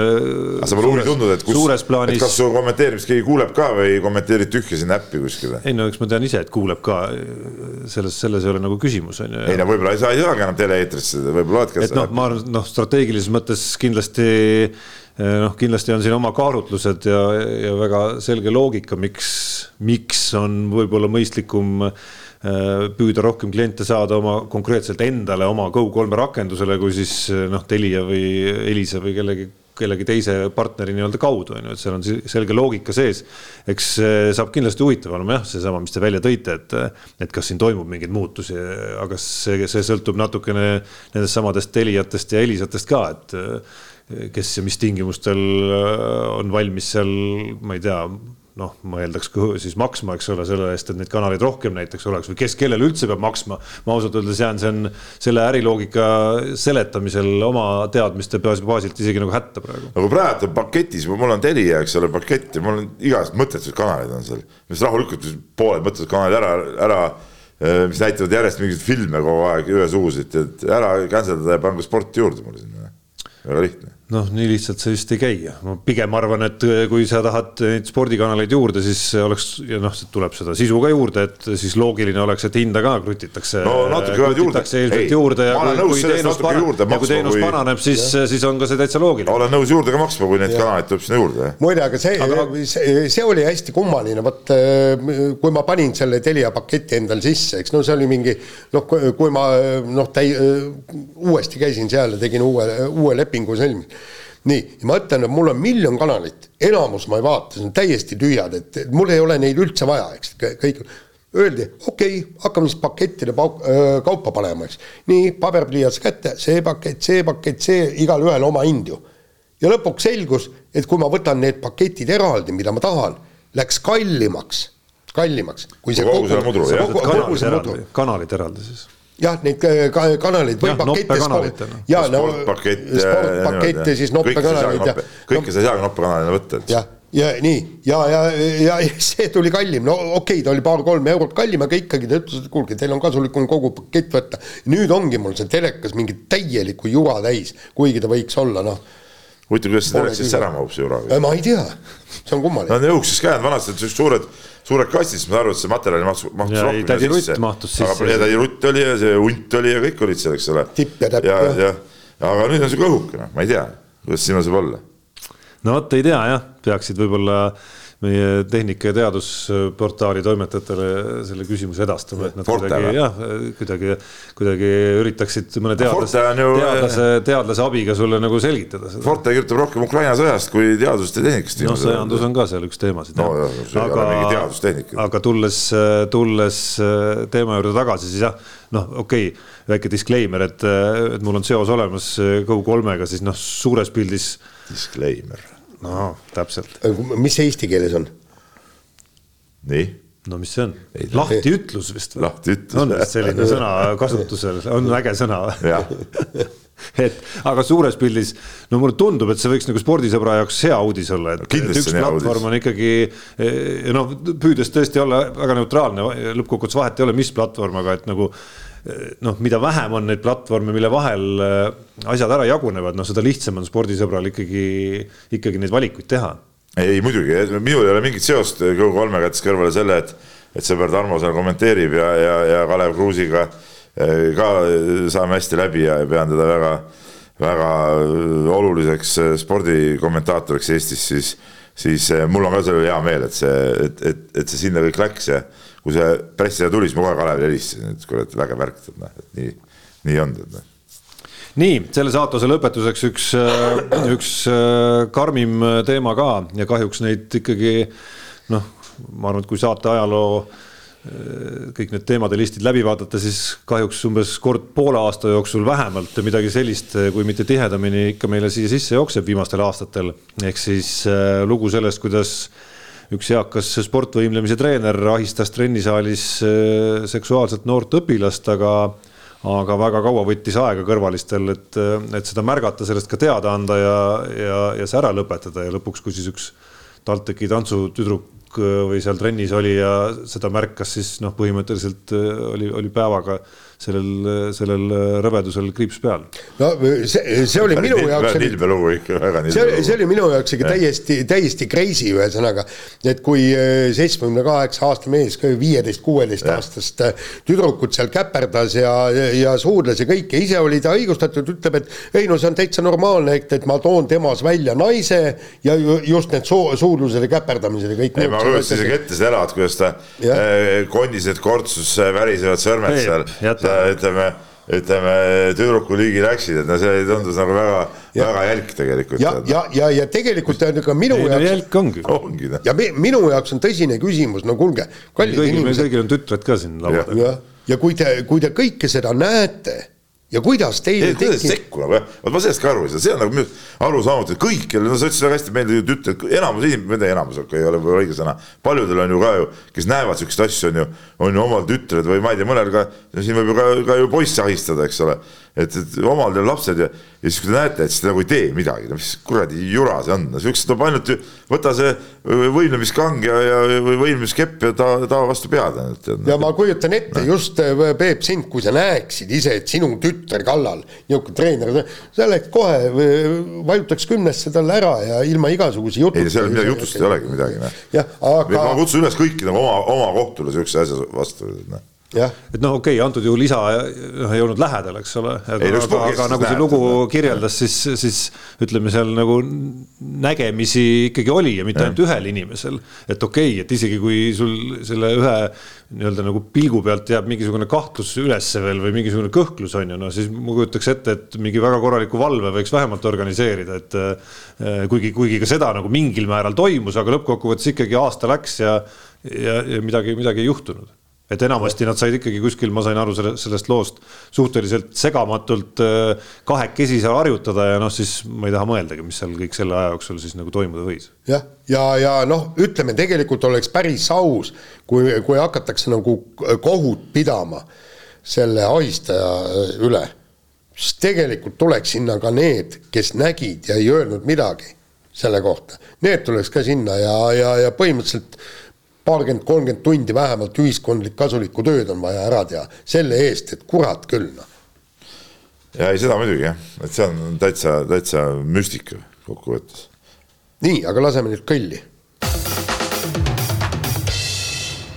Lähme kiire vahemängu juurde ja siis äh, Tarmo pa- pakub siin Peebule meie teemade eest tehingut. tema on meil kröösus ikkagi siin Ja, ja, ikkagi tänavuse aasta seisuga, vaadates, mis autoga siin sõidetakse ja nii ei, edasi. mis asja, no auto on tavaline. no kuule, nagu näha, siis no me oleme rääkinud sellest treenerite palkadest ja asjadest, et noh, Keilas, Keilas raha on. nii, aga näed, küsid juurde siin saates ja no ma usun, et juba on saate ajal tiksunud sinna kohe kõll-kõll, iseasi, kas korvpallikooli või Jah. mis see sinu äh, MTÜ nimi on, ma peast ei Keila Basket. Keila Basketi arvele. no miks, miks inglise keeles, mis basket? sellepärast, et tead, kui nime panemine on kõige keerulisem asju, sest kõik nimed on ära võetud ja ma ei tea, mingi sada, sada Keila korv Keila Koss. panna? ei saanud, ei saanud, ei saanud, ei saanud. Miks ei saanud? no oli, ei lasknud võtta seda. Ei ole väga veenev selgitus, et muidu on kõik ikkagi Eesti, Eesti ja nii edasi, aga, aga nime ikka võttis siukse, mis on, anglitsismi endale. no me oleme rahvusvaheline võistkond, me käime ju, mängime seda Euroopa sarja. noh, noh, et seal saaks ka inimesed aru, mis, mis alaga on tegemist. no et see on nagu Euroliiga perspektiiviga jaa, absoluutselt, no muidugi, muidugi. aga mis perspektiiviga peaks veel tegema? ei, ei, nii selge, absoluutselt, nii jätka. nii, Andrus Värnik pani äh, müüki oma oda, millega ta MM-tiitli võitis ja hinnaks on, alghinnaks on neli tuhat viissada eurot. no jaa, aga äh, kui panite tähele, siis kas mitte meie sõber Ants ei olnud see, kes kirjutas, et me peaks selle ära ostma. et seal oli, et, et Delfi paneks ühe osa rahast, Unibet ühe osa ja meie kolme peale siis kolmanda ja osa. mis me selle odaga teeme siis? no ma ei tea, paneme siia, siia püsti siin saate ajaks. mis, mis teeme, no ma ei tea, ma, kui mul oleks oda, ma paneks ta oma sauna sinna seina peale no vot, ikkagi jõudsime sinu personaalküsimusele tagasi. ja aga ma nagu, mul ei ole sihukest vaba raha, ei ole. jah, aga tege-, tegelikult otsin noore pere laenu, et autole rehvid osta. minu teada sul on, aga noh, aga, aga kui nüüd äh, täpsemalt rääkida, siis tegelikult noh, mida aeg edasi, seda rohkem saad aru, eks, et äh, tegelikult need mälestused on rohkem endal ikkagi peas ja raamatutes ja annaalides, kui, kui need äh, nii-öelda materiaalsed odad ja värgid ja kõik. Ja ühest küljest ma hakkasin mõtlema et äh, Bob Beamon, kes äh, Mehhiko olümpiamängudel tegi legendaarse hüppe kaheksa üheksakümmend, pani ka oma äh, olümpiakulla, pani mööki ja, ja sai selle eest nelisada nelikümmend tuhat dollarit vist. ja ma hakkasin mõtlema, et no, no tõesti noh, sa, sa, sa oled niigi legend, sa oled nüüd nii vana, milleks sul seda medalit, noh ja ma äh, vaatan enda pealt, mul ei ole ju enam mitte ühtegi, ühtegi spordi, spordikarikat ega medalit ega, ega mitte midagi väljas. ükshaaval hakkasid kogu aeg need ära kaduma, kõigepealt need suvalised, jätsin parimad karikad sinna kapi peale, siis võtsin need ka ära ja siis aga miks sa need ära võtsid? koguvad tolmu. mina muuseas sinu vaadet ei jaga. ei, ma tean, see, see on puhtalt minu vaade ja. ja ma olen täiesti kindel, et Bob Piimanid, Andrus Värdikuid on, on vähemus kindlasti kui enamus, enamus tahavad ikkagi säilitada oma medali. ei no eks seal on nende teatud asjade müügil on ka, ka teatud äh, vajadus võib-olla, vaata Erik Salumäe müüs ka oma igast asju maha, et reaalselt raha oli reaalselt vaja. toimetuleku jaoks vaja lihtsalt arvan... ja teiste ja on ka väga tihti on sellist heategevuslikku eesmärki sinna sisse aga mis, mis puudutab Andrus Värdiku oda, siis ma arvan, et et no selge see, et äh, Eestis spordimuuseum on väga väärikas koht sellele, et, et no, kuidagi. Nad on öelnud, et nende jõud üle ei käi. ei no jaa, ei, ei no selleks ongi ju ju varakad inimesed, kes ostavad ja, ja, ja annetavad selle sinna muuseumi. ei, aga muide, stopp, äh, siin oli ju tegelikult, kes tegi selle artikli, äh, et, et meie ise Delfi et see Erki Nool ju rääkis, äh, rääkis seal ka, ütles, küsiti tema, tema käest ka ja siis ta ütles niimoodi, et tema ei anna oma asju spordimuuseumile, kuna need viiakse keldrisse. ja seal oligi, konkreetselt oli jutt, kas see oli see, see trikoo, millega ta olümpiavõidu võitis või mingid niisugused asjad ja ütles, et ta ei taha sellepärast anda, küsis ja et, et mis on, et panete selle vaatamiseks välja, ei, me viime keldrisse ja säilitame seal ja tegelikult ma vaatangi seda. selge, vaata, et väljas peavad ikka olema. jaa, aga tead, ma käisin käisingi viimati, kui ma käisin paar aastat tagasi, kui see e, spordimuuseum nagu uuenes. see uuenes, ma pole, pole päris ja jumal, seal on kõiki virtuaalset, seal on mingit täielikku jaburust, seal on siis tähendab mingisugune neljapobi kelk on seal veel välja pandud, et istu sisse, et saad proovida, tead, see kõigutab nagu seal. ei, mina mõtlesin, seal on ikka Kul... väljas meie sportlaste asjad nagu. ei ole, vot see ongi täielik mingi jama. virtuaalsus, täielik totrus. jah miks nad mõlemad olla ei võiks, ma ei näe põhjust. ei no, ei no okei okay., asjad on ka selle kõrval näiteks ja vaatad virtuaalselt, et ole Andrus Värnik ja viska seda oda, eks ole, virtuaalselt, et sellest ma saan aru. ja see oda on reaalselt seal olemas ka, aga kui lihtsalt mingi virtuaalsus on, mis kui mis virtuaalsus vaatad? võtab ära need tegelikult ja. vaatamisobjektid, kõik need medalid, karikad, odad, jalgrattad, kõik muud niisuguse asja, siis, siis see on minu meelest vale. sellega ma olen nõus. vahetame teemat, Jaan sai eelmisel nädalal teha intervjuu Margus Hundiga, kes oli väisamas Eestit ja, ja esinemas äh, Äripäeva spordikonverentsil.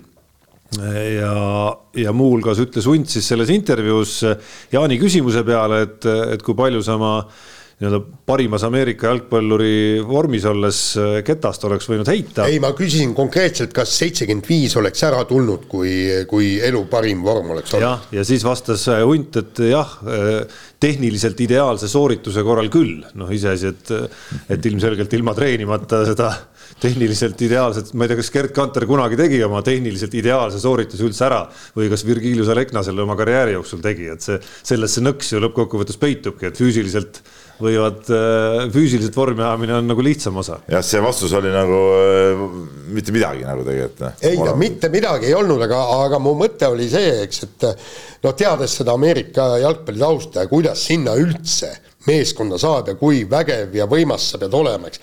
ja kui ma, kui ma nüüd mõtlen, et, et, et hunt oleks, tegi ju trenni ja millele kõik see põhineb, on jalgade tugevus, siis lihaste tugevus ja plahvatus ja no just see plahvatus, eks, no nii-öelda kiirendus ja kõik, äh, kõik see, kui sa, kui sa paned kogu selle paketi kokku, et äh, ma ei ole kindel, kas nii võimast kettaheitet üldse maailmas on olnud, kui hunt oli oma parimatel päevadel, füüsiliselt võimast ma mõtlen. no eks need plahvatused on ju sutsu erinevad ka ikkagi. ei, ei olnud. muidugi on jah. et, et see kettaheite see..., kettaheite füüsis on ikka pisut spetsiifilisem. lisaks balanss füüsise ja tehnika äh, vahel, eks ole, et kui sa ühte timmid seal füüsiliselt võib-olla vägevamaks, et, et kuidas see nagu tehnikale mõjub ja nii edasi, nii edasi, et see, see ei ole päris nii, et, et nüüd oh üks mees on tugev ja läheb, võtab ketta kätte ja, ja virutab üheksakümmend meetrit. muide, mida Ameerika jalgpallis ju eh, Margus Hundi plussiks toodi, oli tema käte siru ulatus.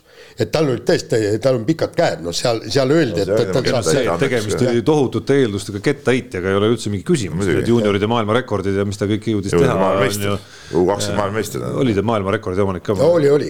nii kuulitõuke, ei maailmarekordi omanik vist oli ka, aga, aga no maailmameister nii ühesõnaga kuulis kui nagu kettas. absoluutne tippude tipp, eks ole, et, et see, seal ei olnud mingit küsimust. jah, aga no me, samas nagu ta ütles, et, et siin oli ju tä- täiesti, tähendab, ajas ennast parimasse vormi, väga heasse vormi, läks siis eh, nii-öelda, seal on ju füüsiline, füüsilised katsed enne draftimist ja kui ta, ta, nagu ta ise ütles, kui mind ei oleks draftis valitud, oleks tulnud ketast ta, tagasi heitma, et ühesõnaga ta, tal oli valik. ja nüüd, kas see oli hea või halb, aga ta draftiti, mängis üheksa aastat. rahaliselt oli see kindlasti hea valik. absoluutselt, jah. no ma arvan, et tal on põhjust ikka väga rahul olla. ei, tema nagu igas mõttes. jah, ei te, te, temal küll, aga. vaevalt äh, mul ei jäänud muljet intervjuust, et ta käib ringi ja mõtleb, et oh, mis oleks võinud olla ikka mul siin kettaheitjana. no ei käi niimoodi ringi, et äh, tal on ikka põhjust rahul olla sellega, mis ta suutis ära teha. muidugi. jah, ja kusjuures intervjuus see kõik, kõik küsimused äh, ära ka mat- äh, ei mahtunud, aga seal oli siis huvitav küsimus ka, et kui võtta nüüd äh, niisugune kümme maapoissi ja tuua keskkooli ajaks nii-öelda Ameerikasse, kes on füüsiliselt tugevad, vaimselt tugevad, ühesõnaga niisugused sportlikud poisid ja kõik nii. ja kui nad saata sinna Ameerika jalgpalli, et kas sealt siis nad roniksid NFL-i äh, välja, siis Margus Hunt kehitas õlgu, ütles, et mõned kindlasti. et ühesõnaga noh, see, see on nii-öelda võimalus, aga, aga kui palju on neid nii ülisportlikke poisse, kellel on nii võimsad füüsilised eeldused? Noh, teine asi on, et ega ega ta, tema sai selle võimaluse tänu sellele, et ta oli kettaheitja tipp, et see avas talle uksed, see, Uksed üldse ülikooli pääseda, jah. andis talle stipendiumid ja, ja tekitas huvi tema vastu ja, ja si, siis, et noh, miski peab su sinna, sinna viima kõigepealt, et see ei ole ka niimoodi, et oh, ma olen lihtsalt tu- tubli spordipoiss ja astun, astun sisse. ei, aga see oli, see oli ju Mihkel Roos, kes läks, tema läks ju keskkooli. et eh, tema puhul oli ju see, et, et ta tegelikult noh, ta tegi sporti ja kõik, ta vist mängis korvpalli, no na, natukene seal noh, nii. aga, aga okay, keskkooli tasemel jah, Ja- ja- mingisse ja- keskkooli, kui sa elukohta vahetad, sa igal juhul ju lähed. jah, ja, ja, ja täpselt ja sealt võeti, toodi ta Ameerika jalgpalli puhtalt eh, füüsiliste eelduste pealt, vaadata, oh, kurat, niisugune vend, et võiks ju Ameerika jalgpalli mängida. vot, tõsi, nii, kes? Nii, mina. ja autospordimaailma on siis kihama löönud, sest Lewis Hamilton äh, äh, minu arust kogu elu nagu justkui Mercedes sõitnud mees läheb nüüd Ferrarisse. Macle- McLarenis, mis sõitis me Mercedese mootoriga, Jah. mõlemad olid hallid masinad. no tead, see, see kõik need uudised igal pool, kõik on seda täis, no kuulge, kallid inimesed, see on ju kogu aeg vahetatakse tiime. mäletad, omal ajal oli ju selge see, kõik need Sennad ja Prostid ja kõik, kõik kogu aeg liikusid, see ei ole mingi ime. ei see mingi ime muidugi ei ole, aga vaata, kui üks No on nii lihtsalt- kaua olnud ühes süsteemis, siis tema nagu üleminek on, on nagu ikkagi nagu suur asi ja, ja ütleme, millest sa siis selle uue vormelihooajal ikka räägid, kui see on kõige kõmulisem äh, detail praegu selle asja juures. no jaa, aga no mis siis antud, maailmas jaa, muutub? antud juhul muidugi see puudutab alles ju järgmist hooaega, mitte seda hooaega, mis teeb päris huvitavaks, kuidas, kuidas nii varakult need asjad juba on äh, paigas ja välja kuulutatud. ei no aga selles mõttes on ju õige, sellepärast et see on nüüd viimane aasta selle põlvkonna vormel üks autodega, sealt tuleb öö, uued autod ja selge see, et öö, noh. Siis on uued võimalused, eks ole. jah, kõige parem aeg just nii-öelda. ma arvan, et see hooaeg ei muutu suures pildis vormelis mitte midagi Jah. tegelikult.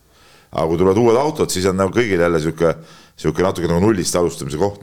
jaa, aga tegelikult selles mõttes on see öö, kõik on hea, et, et äkki suudab Ferrari kuidagi oma autoga paremaks teha ja sellepärast, et see Verstappeni nii-öelda domineerimine on, on, on nii ära tüüdanud, et, et no tõesti, ma ei viitsi enam öö, telekatki lahti teha. aga noh, põnev osa on vähemalt teoreetiliselt on ka see Ferrari uus nii-öelda sisedünaamika, mis seal siis nagu toimuma võiks hakata, et, et ega see Leclerc ei ole ju mingisugune, ei ole ka mingisugune tõugata-lükata mees ja noh, Hamilton on Hamilton. nojah, no ilmselt peab üks neist taanduma või, või on Ferrari poliitika on, on, on selge, et, et mõlemad võivad võidu sõita, noh, tont seda teab. saab näha, nii, võtame järgmise teema ja räägime Henry Trellist, kes hurraa, hurraa sai Chicago Bullsi pingi peale istuma. et kas on nüüd samm edasi, no ilmselt on samm edasi, aga noh, oma G-liigas ta mängida ei saa, istub seal pingi ei, ta on G-liiga mänge siin ka vahepeal No teinud jah. et, et need okay. ei välista teineteist. Aga- sõltub, sõltub, kuidas graafikud seal äh, on. no aga kas ei saa siis pingipoisile mõned minutid anda? Peep, kas sina No, sina sina annaksid mõned no ma ei tea, kui võtame eilse mängu protokolli lahti, ma arvan, et ei saanud sul kõik kaksteist meest väljakule, kuigi vahe oli üle kümne ikkagi lõpuks, kolmteist.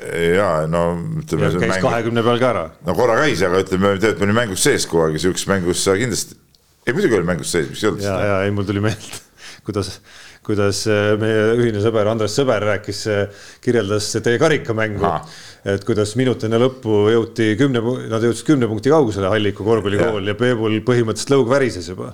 aa, ei värisenud. et sealt ei ole ju midagi enam, kaks kolmest on vahe neli ja no ja siis. ei no lõug ei värisenud ja, ja, ja et et sa hakkasid samamoodi mulle rääkima praegu, kuidas tasamäng oli põhimõtteliselt. aga tegelikult ütleme, vaata vahe oligi selles, et meil oli seal äh, kogu mängu oli, oli vahe kõikus seal kümne punkti ümber ju tegelikult, jah korra läks tõesti kahekümne peale, aga sealt me tulime ka tagasi. ja tegelikult terve mängu püsis ju see ühesugune vahe. Ühesõnaga aga ei, tervikuna ei saanud muidugi jah. ühesõnaga ei saanud seal, näen kahte meest, kellel on null täitsa ja siis üks mees on küll ühe sekundi saanud, mingi narrimine on käinud ei, see ei, see no see oli siuke Sander Raiesterlik, see oli, siukene see oli nagu sekund enne veerandaja lõppu toodi mees kaitsesse, et seal teine mees viga ei tee. Tuškolt õppis kusjuures. ei, mis Tuškolt, noh, see on elementaarne ju tegelikult. seda räägiti koolitusel. ei, ma ei ole nüüd koolitust ikka käinud, aga seda, ma olen seda, ütleme viimase rünnaku kaitsesse mehe, meeste toomist olen harrastanud kogu aeg muidugi vaja. okei, okei, aga mis puudutab Pulsi ja neid mänge, kus trell on pingil olnud, siis, siis noh, sellist äh, ütleme ühelt poolt kakskümmend pluss või miinus kakskümmend äh, mängu ei ole minu arust ühtegi veel olnud nendest, ma peast ei julge öelda, kas neid mänge on nüüd kolm olnud või neli, kus, kus trell on selle, selle vormiga seal olnud ja reaalselt on, on olnud võimalus ka, et treener ühel hetkel näitab trelli suunas ja saame saame siis nagu linnukese kirja ja, ja saab see väikene nagu linnukese ootus läbi. Et noh, tõenäosus ütleb, et äh, samm edasi selles mõttes muidugi on, et, et kui see noh, kui see hetk tuleb, siis ma ei näe mingisugust põhjust, miks sealt ühel hetkel kõik need, seal on kolm meest minu arust, kes kogu aeg äh, sellistes mängudes, kus nagu vahe väga suureks ei lähe, on viimasel ajal on siis saanud selle didn't play coach decision kirja endale taha, et siis ma arvan, et ühel päeval ja kui see vastav mäng juhtub, siis on kõigil seal mingisugune kaks kolmkümmend üks mänguaega ühiselt äh, või midagi sellist seal kirjas ja, ja mingi muu lahter võib-olla ka on mõne märke saanud. Aga noh, siis on see üks linnuke tehtud, aga, aga siis algab nii-öelda nagu no nii-öelda nagu päris äh, võimaluse jahtimine. jaa, aga no tegelikult äh, ma just näeksin seda, seda trelli siis, kui ta saaks need mõned minutid, et ta ikka paistaks silma ja teeks seal midagi, aga mitte ei läheks sinna lihtsalt. noh, no ma arvan, Olema keha. ma olen täiesti kindel, et kui seal vahet pole, kumba pidi see vahe on, kakskümmend pluss ja siis lastakse seal nii-öelda klubimehed väljakule, siis kõik nad lähevad ainult sellise mõttega sinna väljakule, Et et midagi ma pean tegema, et, et kuidagimoodigi silma jääda, et see on paras metsik lääs, mis seal, mis seal toimuma hakkab. see on väga ropp, see on väga ropp, ma arvan, et seda, sihukest asja ei tahaks isegi mitte vaadata, noh. nii, aga korvpalli juurde me jääme, Keila ja Peebu värskemaid arenguid me siin just lahkasime, mis puudutab eile, eile, eile õhtul toimunud Kalev Cramo kohtumist. Kiusatus oli kuidagi sujuvalt Keilast täitsa nagu üle libiseda, aga siis hakkasime mõtlema, et et tegelikult on nagu huvitavad hetked ikkagi käsil, et äh, ma ei tea, kui palju sa seda play-off'i joont veel silmas pead ja vaatad üldse.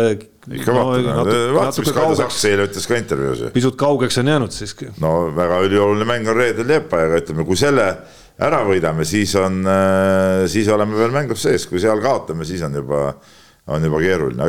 no Pärnustki mööda saada, no on suhteliselt keeruline.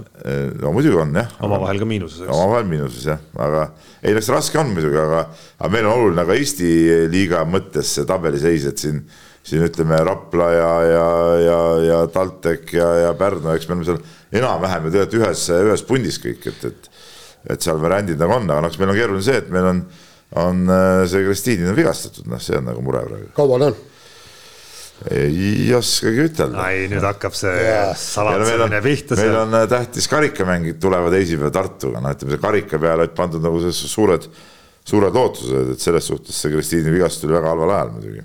kusjuures ma hakkasin just täna hommikul veel äh, Peebu tegemiste peale mõeldes ja Kossu liiga seisu peale mõeldes hakkasin äh, vaatama ja mul käis äh, Kossu podcast taustaks ka, et, et need eesmärgid, mis me panime siin Keilale hooaja eel, et sealt hakkavad päris hästi nagu kokku jooksma Peebu jaoks, et esiteks seesama fakt, et noh, Pärnu sadam selgelt on praegu tõusujoones ja, ja on saanud nüüd hoopis uue hingamise kätte, nii et noh, mulle tundub vähemalt, et kõik märgid viivad ja viitavad selles suunas, et Pärnu tüürib siin Eesti liiga mõttes siis kolmanda koha suunas kas nad. no praegu te ütlete põhiturniiri jah, et kas nad, äh, no ma räägin sellest asetusest. ja, ja, ja asetust jah ja.. nii, äh, TalTech samal ajal tuleb no niimoodi korralikult selge ees praegu nagu vastu kõigile, ehk siis täiesti tõenäoline variant on, on veerandfinaalseeria koduses liigas Keila ja TalTech üldse ei ole välistatud, et Keilal õnnestub koduväljaku eelis ka seal veel kätte saada kuidagimoodi, kuigi kuidas te omavahel jäite? me jäime üks-üks mängude punkti jäime miinusesse. okei okay,, siis natukene raskendab, aga ütleme, ma ei ole vaadanud teie graafikut kumbagi lõpuni välja, aga no ühesõnaga. ei, mis asja, TalTechiga me jäime, eh, kaotasime mõlemad mängud, Raplaga jäime üks-üks ja sorry TalTechi me oleme miinuses igati. nii, ehk siis tuleb see paar, TalTech nagu näeme, on praegu ikkagi väga rabe. ja, ja, ja sealt see praegu veebruari alguses sellest, mis hakkab juhtuma aprilli äh, teises pooles. no absoluutselt, no ega me suudamegi pikka ja... plaani vaadata ja näha ja. ikkagi puude taga metsa ah, ja kõike no.. Okay, okay. muide, kuulsin meil äh, toimetuses korvpalli nii-öelda spetsialistidelt äh, kuulujuttegi Peebu kohta.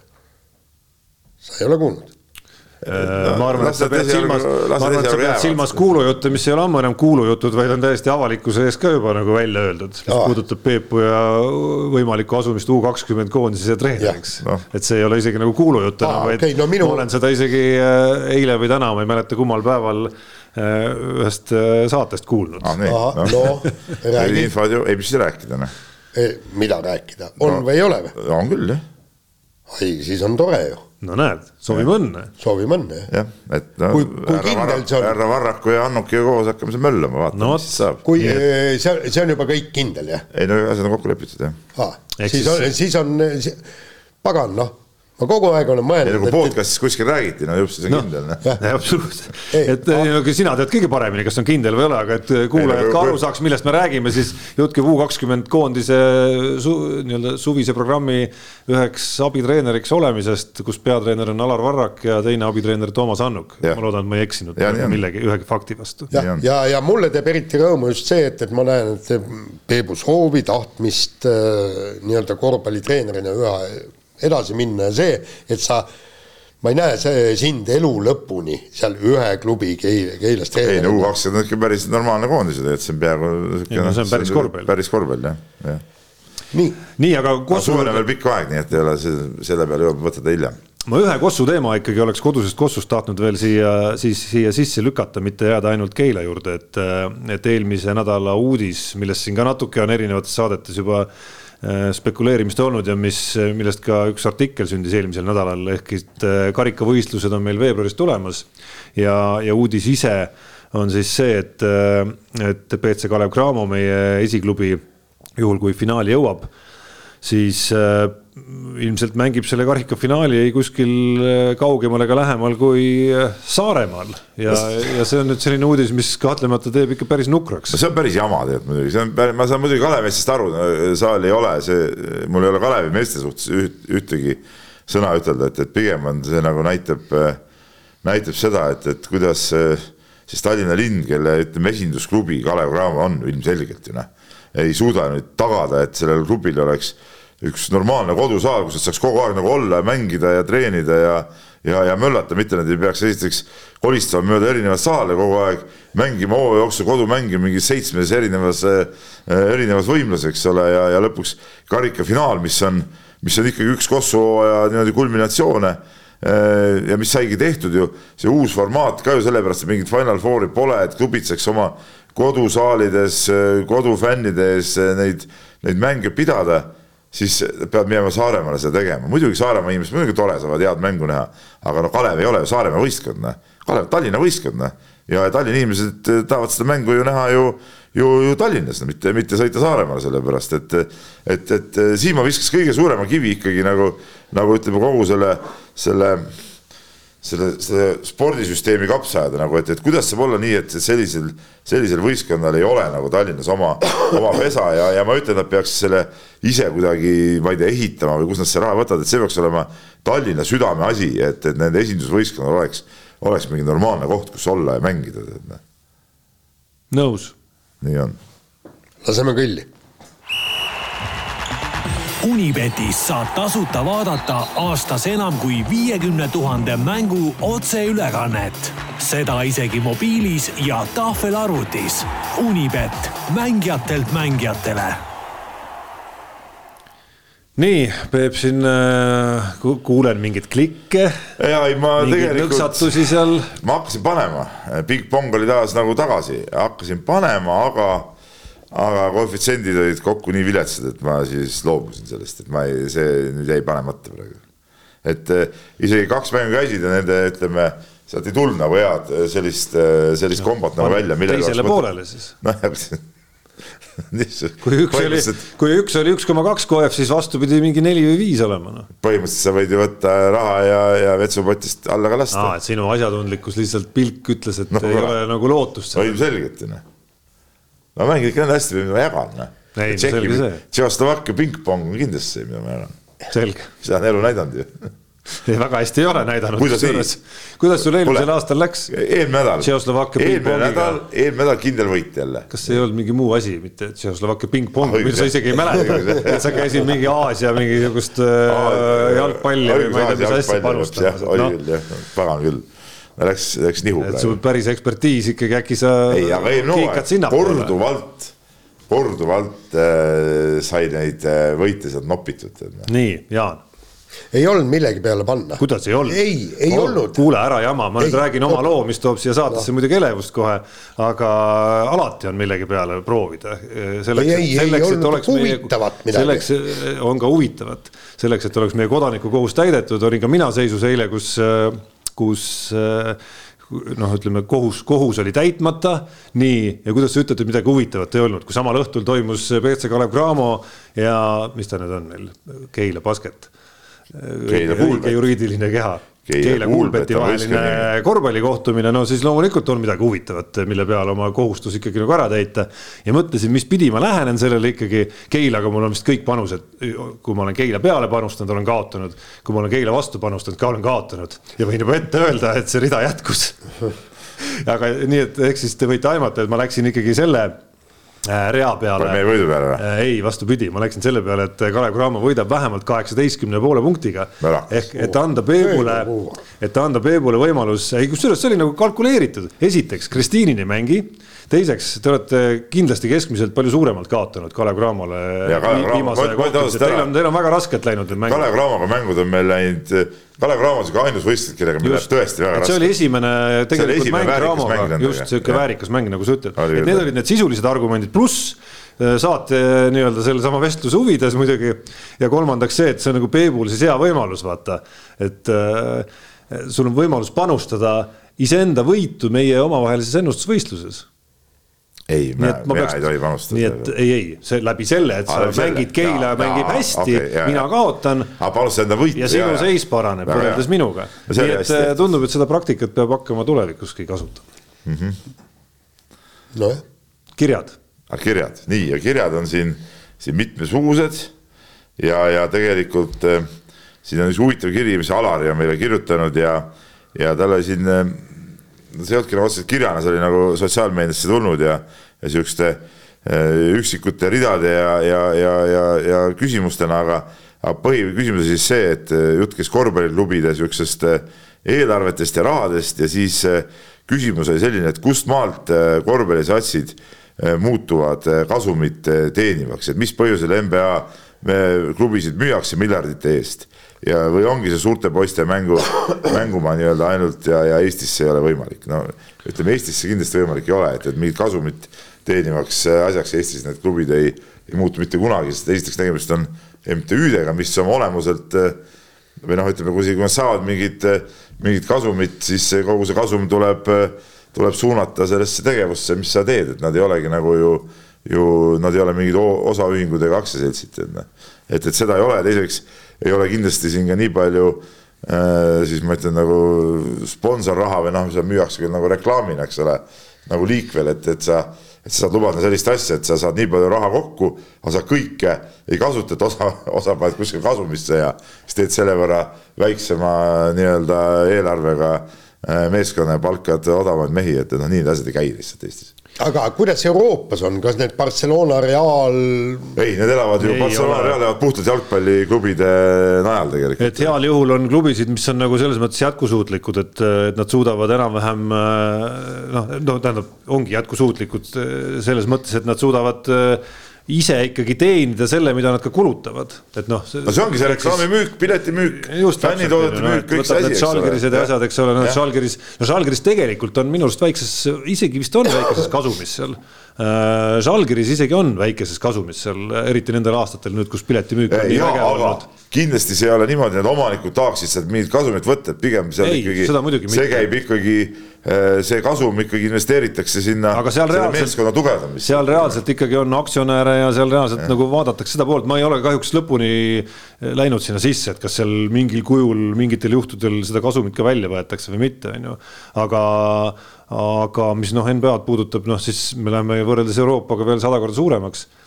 et noh, jah, need, need tohutult kulutavad klubid, kes meil siin Euroopas on, Barcelonad ja Realid ja Belgradi või need äh, Serbia klubid seal Belgradist jah. et äh, kellel on seal mingid täiesti ebaloogilised äh, tulu mingisugused joad, mis jooksevad kuskilt riigist, kellel on need jalgpalliklubid seal teisel pool, pluss äh, kirjutatakse mingeid võlgu korstnasse põhimõtteliselt sealt kord kümnendis on ju, et seal, seal noh, need nagu turuloogika järgi, nii nagu Žalgiris kindlasti ei toimi, et äh, NBA äri mõttes noh, on nagu teine maailm. No, nagu. alustades, alustades nendest summadest, mis tele, teleõigustest no, tulevad, sealt algab see kõik, no see on kõige tugitala ilmselgelt no,. aga, aga noh, siis on lisaks on piletimüük kaheksakümmend kakskümmend kaks mängu põhijooajal, ei ole odavat piletit, äh, play-off sinna otsa veel, siis on kogu see nännimüük, kõik see pool sinna juurde veel, et, et see maailm on ju päris suur. ja reklaamid, värgid, kõik, kõik see, aga, aga tehke mulle äh, selgeks, kuidas, kuidas Euroliigas on see nii-öelda teletulude jaotamine ja, ja on, on, on jaotus, aga noh, see, need summad ei ole eelarvetega võrreldes ikkagi selles suurusjärgus, et sealt tekiks no, mingisugune kasumlik äri kokkuvõttes. Eestis teleõiguste eest saate midagi?